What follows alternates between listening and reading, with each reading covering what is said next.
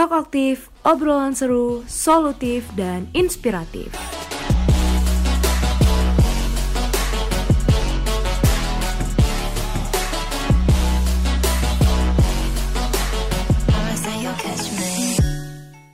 Selamat pagi, selamat siang, dan selamat malam Kapan pun dan di mana pun para pendengar berada Kembali lagi bersama saya, Winda Hafid Hanan Sebagai host pada Talk Aktif episode kali ini Nah, gimana nih kabarnya? Harapannya teman-teman baik semua sih Tapi keadaan lingkungan kita lagi nggak baik nih Nah, untuk itu ada yang berbeda nih dari Talk Aktif episode kali ini. Kita telah mengundang teman-teman dari Departemen Somalia. Halo. Halo. Nah, halo. Nah, supaya lebih asik lagi nih perbincangan kita, gimana kalau kita kenalan dulu deh. Nah, di sini ada Mas yang ganteng banget. Mungkin Masnya bisa kenalan dulu. Namanya siapa? Oke, jadi perkenalkan nama aku Michael Agus Wijaya di sini dari divisi lingkungan hidup. Halo Mas Michael. Hai. Nah, buat Mbak yang cantik nih, siapa namanya Mbak? Halo semuanya, perkenalkan nama aku Gia Cinta. Di sini aku dari Divisi Lingkungan Hidup. Hai Mbak Gea. Nah, sesuai judulnya, kali ini Talk Aktif berkolaborasi dengan Ecotalks. Nah, Ecotalks ini sendiri dari Departemen Somalia, teman-teman. Nah, untuk itu teman-teman mungkin masih belum tahu nih, masih awam nih. Ecotalks ini apa sih? Nah, mungkin dari Mas Ganteng deh bisa ngejelasin Ecotalks itu apa sih, Mas? Oke, Ecotalk sendiri merupakan platform bagi LH untuk speak up terkait permasalahan lingkungan sekitar. Nah, permasalahan lingkungan sekitar itu dari skala regional, nasional, maupun internasional. Kalau di Ecotalk sendiri, kita memiliki dua segmen, yakni Bumi Berbicara, yang di mana kita akan melakukan pembahasan terkait isu-isu lingkungan yang telah terjadi di sekitar kita. Sedangkan di Bumi Mendengar sendiri, nantinya kita akan ada pembacaan komentar, saran, kritik dari teman-teman sekalian. Oke, nah berarti perdana perdana banget ya Mas ya, Ecotalksnya ya? Yoi, betul banget. Oke, episode yang paling pertama banget ya. Satu banget nih. Oke, keren banget sih. Nah, kita lanjut nih ke pembahasannya. Mungkin ini uh, isu yang teman-teman udah dengar nih banyak di berita-berita. Cuman dalam perbincangannya di hidup kehidupan sehari-hari masih sedikit nih kayak kepeduliannya masih kecil. Nah, mungkin aku mau nanya dulu deh ke Mbaknya. Kronologi kebakaran hutan di dan lahan di Indonesia itu gimana sih, Mbak? Nah, untuk kronologi dari kebakaran hutan di Indonesia itu sendiri, eh, menurut BNPB itu sendiri, 99% tuh kebakaran itu bukan karena eh, bukan karena lingkungan gitu, karena ulah manusia itu sendiri dan satu persennya itu dari lingkungan. Dan apa ya? Dari di Indonesia itu sendiri kebakaran tuh kayak diasumsikan itu karena dari oknum-oknum tertentu yang emang karena sengaja membakar lahan gitu untuk membuka lahan baru dan juga eh, dari udah ada survei dari terkait eh, foto udara yang diambil dari atas tuh kayak terlihat gitu. Eh, memang ada unsur tersengaja sengaja eh, buat kebakaran itu sendiri. Di mana lahan-lahan yang emang udah ditanamin eh, misalkan kayak kelapa sawit itu nggak terbakar malah lahan-lahan yang uh, untuk membuka lahan baru itu yang terbakar seperti itu. Dan juga uh, udah ditetapkan ada bela, ada 15 korporasi serta 30 334 orang yang telah menjadi tersangka dalam kasus kebakaran hutan yang ada di Indonesia itu sendiri begitu Oke, berarti ini sebenarnya udah cukup parah ya Mbak ya.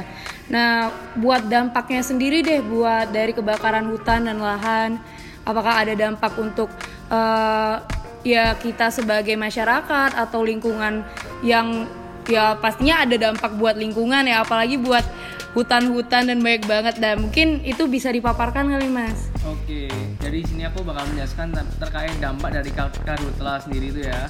Nah, salah satunya itu ada indeks kualitas udara di beberapa daerah yang menjadi sangat buruk.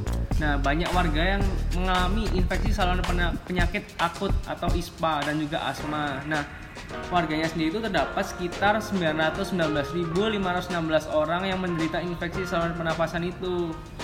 Dari paparan kabut asap sendiri itu memiliki efek mengganggu aktivitas-aktivitas masyarakat lainnya yang mana banyak tempat kerja, sekolah terpaksa meliburkan diri karena efek dari kebakaran hutan itu. Hal ini tentu dalam jangka waktu yang panjang dapat mengganggu tingkat perekonomian secara nasional. Bahkan karena adanya dampak dari kebakaran hutan dan lahan ini, negara itu telah mengalami kerugian sebesar 66,3 miliar nih. Nah, kalau tadi kan kita lebih ke masyarakat ya. Uh, ini aku lanjut ke terkait dampak pada ekonomi sebagai salah satu contohnya itu di bidang penerbangan. Seperti lumpuhnya aktivitas penerbangan itu tidak pada berdampak pada pasar barang saja, tapi pada usaha bisnis perhotelan di Indonesia. Hal ini dikarenakan lumpuhnya aktivitas penerbangan di daerah yang mana disebabkan oleh kabut asap kebakaran hutan dan lahan yang disebabkan dengan menurunnya jumlah tamu hotel baik wisatawan lokal ataupun mancanegara serta tamu lainnya yang hendak menginap.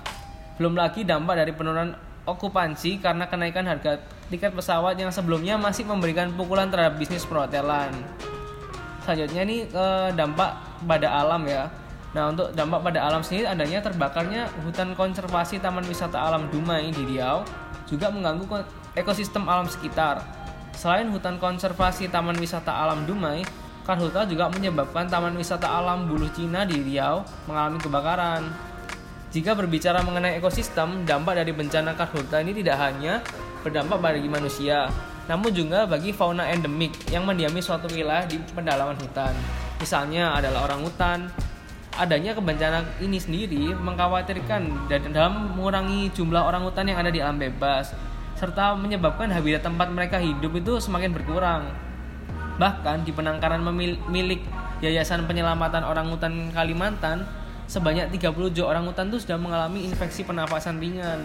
Nah, tentunya bencana karhutla ini juga membahayakan total sekitar 355 orang hutan yang berada pada penangkaran tersebut. Kayak gitu Waduh, gitu sih. berarti udah parah banget ya iya, dampaknya yeah. udah ke masyarakat, udah ke perekonomian Indonesia dan juga udah ke alam nih. Betul. Nah, berarti banyak banget aspek-aspek yang terkena dampak negatif dari karhutla ini. Nah, mungkin ada nggak sih aksi dari pemerintah atau ada langkah-langkah penanggulangan dari pemerintah? Nah, untuk dari aksi pemerintah itu sendiri, pemerintah itu udah memadamkan beberapa titik api di mana uh, salah satunya BNPB itu mengerahkan sebanyak 44 helikopter uh, untuk memadamkan api dengan water, uh, teknik waterbooming itu sendiri. Uh, dan juga uh, BNPB itu uh, menggunakan upaya teknologi modifikasi cuaca dengan menyemaikan kapur tohor aktif ke beberapa awan yang berpotensi menjadi awan hujan nantinya. Jadi uh, nantinya itu akan ada turun hujan de dengan adanya uh, kapur tohor ini dan juga dengan teknologi ini tuh udah bisa mematikan beberapa titik api yang ada di Indonesia itu sendiri. Begitu. Oke, nah tadi udah ada beberapa solusi nih dari pemerintah. Mungkin dari Mas Mbaknya ada uh, mau memberikan saran kepada pemerintah atau pihak-pihak terkait mengenai solusi dari permasalahan karhutla ini? Oke, kalau tadi kita udah membahas terkait aksi dari pemerintah Indonesia sendiri, sekarang kita akan membahas uh, apa ya? Kita akan berkaca ya pada luar negeri akan inovasi-inovasi penanggulangan kebakaran hutan yang ada. Nah, di sini sebagai salah satu contoh ada smoke free tower yang merupakan salah satu terobosan dalam mengurangi polusi udara yang telah diterapkan di Cina. Nah, menara ini dirancang menggunakan teknologi ionisasi untuk menghasilkan udara bersih di ruang terbuka. Bangunan ini akan melepaskan ion positif ke udara yang akan menempel ke partikel atau debu halus. Kemudian dari partikel ion negatif ini akan menarik ion positif kembali ke dalam polutan dan debu halus yang disimpan dalam menara. Menara temporer ini hanya membutuhkan daya listrik sekitar 1170 watt dalam pengoperasiannya, serta diklaim sebagai bangunan ramah lingkungan. Dan Rosgard sebagai desainer di studio Rosgard mengatakan bahwa menara ini memiliki tinggi 7 meter. Bangunan ini mampu membersihkan sekitar 30.000 meter kubik polutan per jamnya. Dengan teknologi yang sudah dipatenkan, menara anti asap ini mampu menarik partikel yang paling halus dibandingkan teknologi penyaring udara lainnya. Wah luar biasa nih. Berarti sarannya tadi ada menara anti asap ya mas ya? Oh. Dan ini tuh udah terbukti ternyata sudah digunakan di negara Cina. Dan mungkin kita bisa menggunakannya juga nih di Indonesia sebagai sebuah solusi dari permasalahan karhutla. Nah uh, mungkin dari mas mbaknya ada kesan dan pesan mungkin untuk permasalahan karhutla untuk pemerintah atau untuk pihak-pihak yang terkait? Nah dari isu yang udah kita sampaikan di hari ini harapannya bagi ke, uh, para sobat penjaga lingkungan untuk dapat lebih berkontribusi dalam menjaga lingkungan kita agar nantinya anak cucu kita tuh dapat merasakan apa yang kita rasakan sekarang gitu.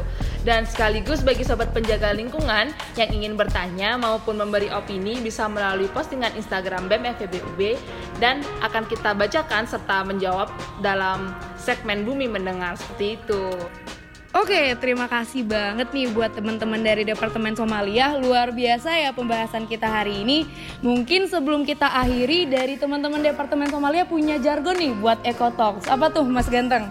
Oke, nah ketika aku bilang Eco Talk, nanti teman-teman bakal menjawab dengan bersuara demi lingkungan lestari. Kayak gitu ya teman-teman. Oke. Kita boleh praktekkan sekali nggak ini, Win? Boleh, boleh. Oke, aku bilang ya. 3, 2, 1, Eco Talk bersuara demi lingkungan lestari. Oke, terima kasih buat teman-teman Departemen Somalia. Sekian episode uh, Talk Aktif untuk kali ini. Mohon maaf apabila ada salah kata. Wassalamualaikum warahmatullahi wabarakatuh.